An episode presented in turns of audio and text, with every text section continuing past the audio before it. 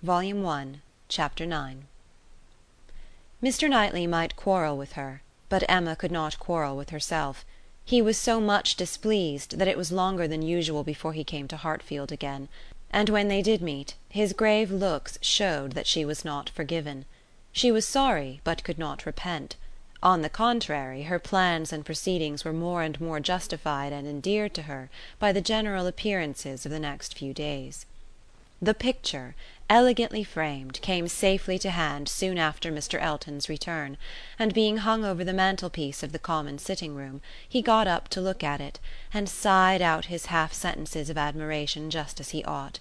And as for Harriet's feelings, they were visibly forming themselves into as strong and steady an attachment as her youth and sort of mind admitted.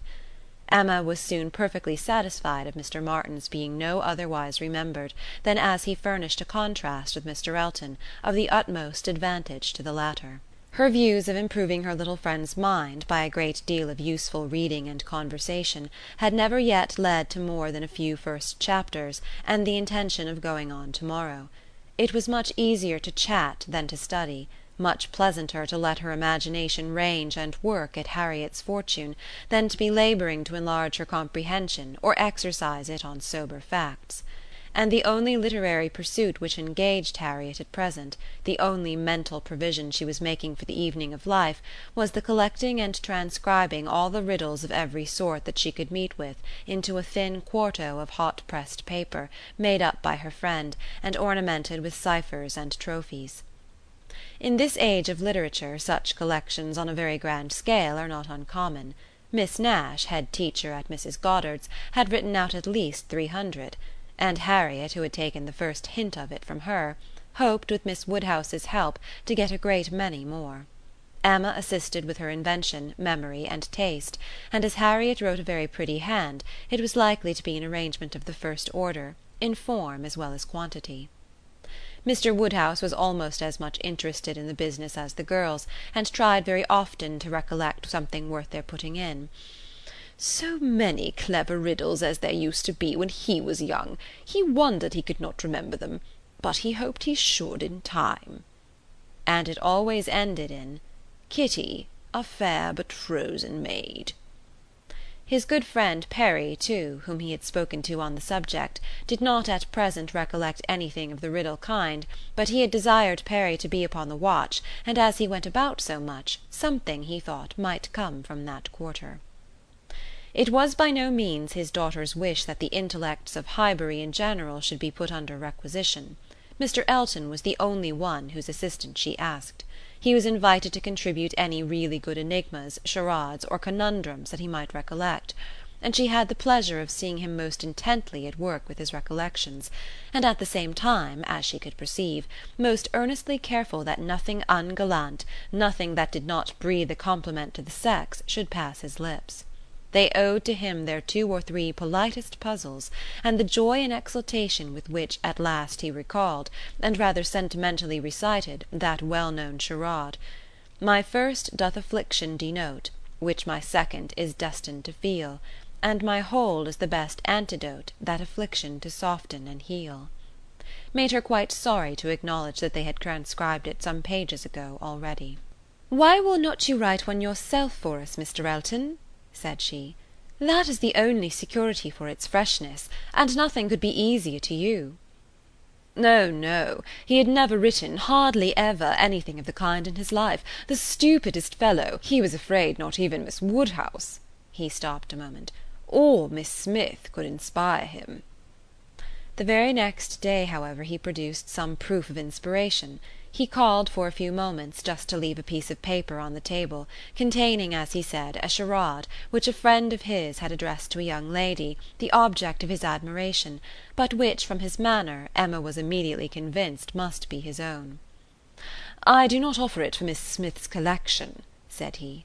Being my friends, I have no right to expose it in any degree to the public eye, but perhaps you may not dislike looking at it." The speech was more to Emma than to Harriet, which Emma could understand. There was deep consciousness about him, and he found it easier to meet her eye than her friend's. He was gone the next moment, after another moment's pause. "Take it," said Emma, smiling and pushing the paper towards Harriet, "it is for you. Take your own." But Harriet was in a tremor, and could not touch it, and Emma, never loath to be first, was obliged to examine it herself. To Miss Sherard. My first displays the wealth and pomp of kings, Lords of the earth, their luxury and ease. Another view of man my second brings, Behold him there, the monarch of the seas. But ah! united, what reverse we have! Man's boasted power and freedom, all are flown; Lord of the earth and sea, he bends a slave, And woman, lovely woman, reigns alone.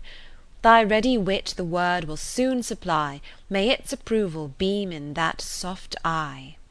She cast her eye over it, pondered, caught the meaning, read it through again to be quite certain, and quite mistress of the lines, and then, passing it to Harriet, sat happily smiling and saying to herself, while Harriet was puzzling over the paper in all the confusion of hope and dulness: "Very well, Mr. Elton, very well indeed. I have read worse charades. Courtship! a very good hint. I give you credit for it. This is feeling your way; this is saying very plainly, Pray, Miss Smith, give me leave to pay my addresses to you, approve my charade and my intentions in the same glance. May its approval beam in that soft eye. Harriet, exactly; soft is the very word for her eye, of all epithets the justest that could be given. Thy ready wit the word will soon supply. H'm! Harriet's ready wit! All the better. A man must be very much in love indeed to describe her so. Ah, Mr. Knightley, I wish you had the benefit of this. I think this would convince you. For once in your life you would be obliged to own yourself mistaken. An excellent charade indeed, and very much to the purpose. Things must come to a crisis soon now.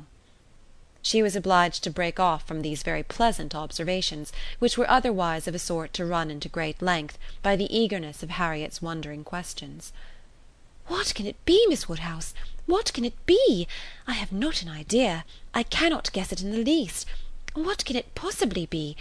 Do try to find it out, Miss Woodhouse. Do help me. I never saw anything so hard. Is it kingdom? I wonder who the friend was, and who could be the young lady. Do you think it is a good one?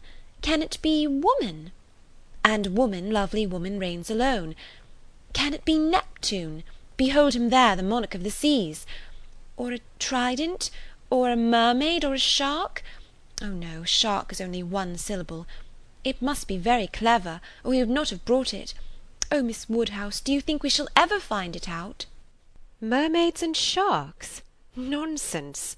My dear Harriet, what are you thinking of? Where would be the use of his bringing us a charade made by a friend upon a mermaid or a shark? Give me the paper and listen.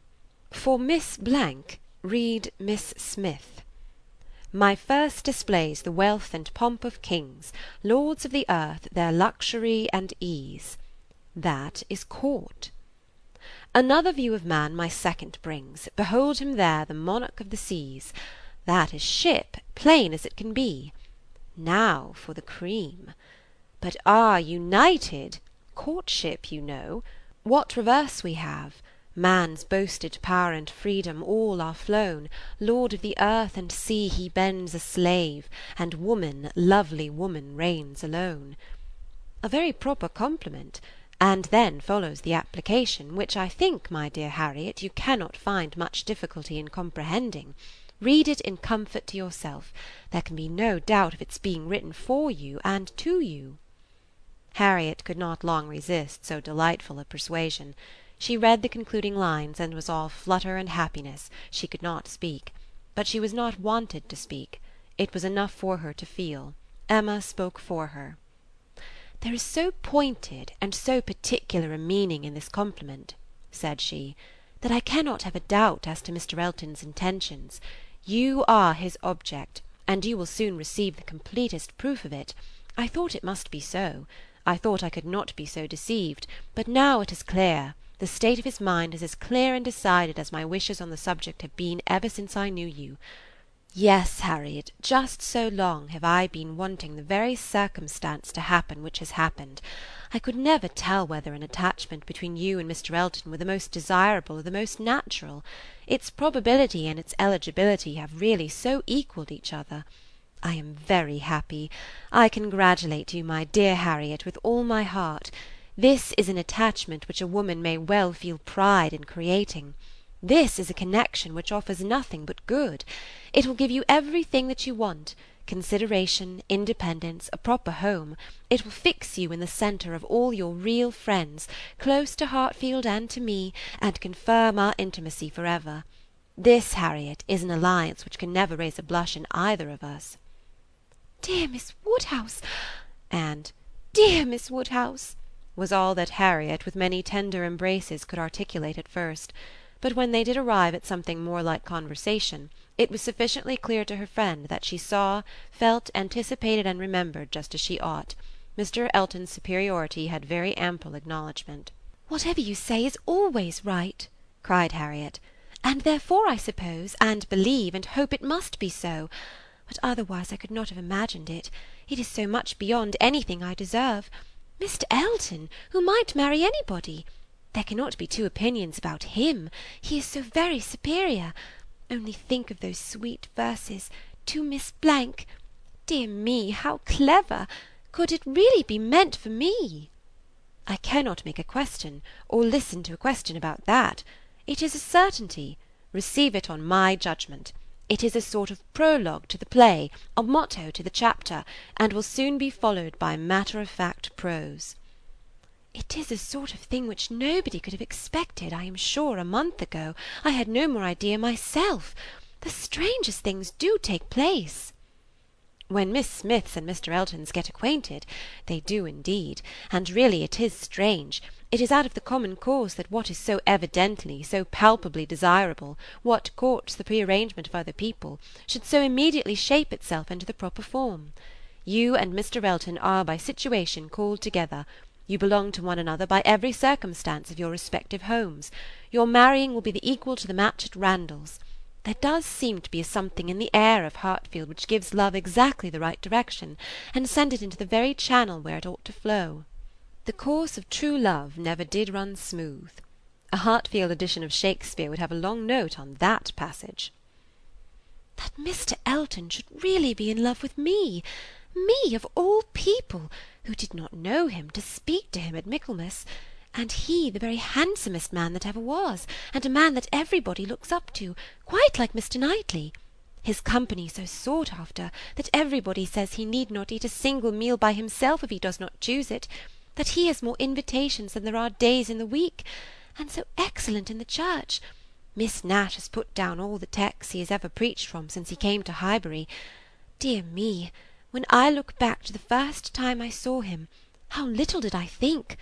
The two Abbots and I ran into the front room and peeped through the blind when we heard he was going by, and Miss Nash came and scolded us away, and stayed to look through herself. However, she called me back presently, and let me look too, which was very good natured. And how beautiful we thought he looked! He was arm in arm with Mr. Cole.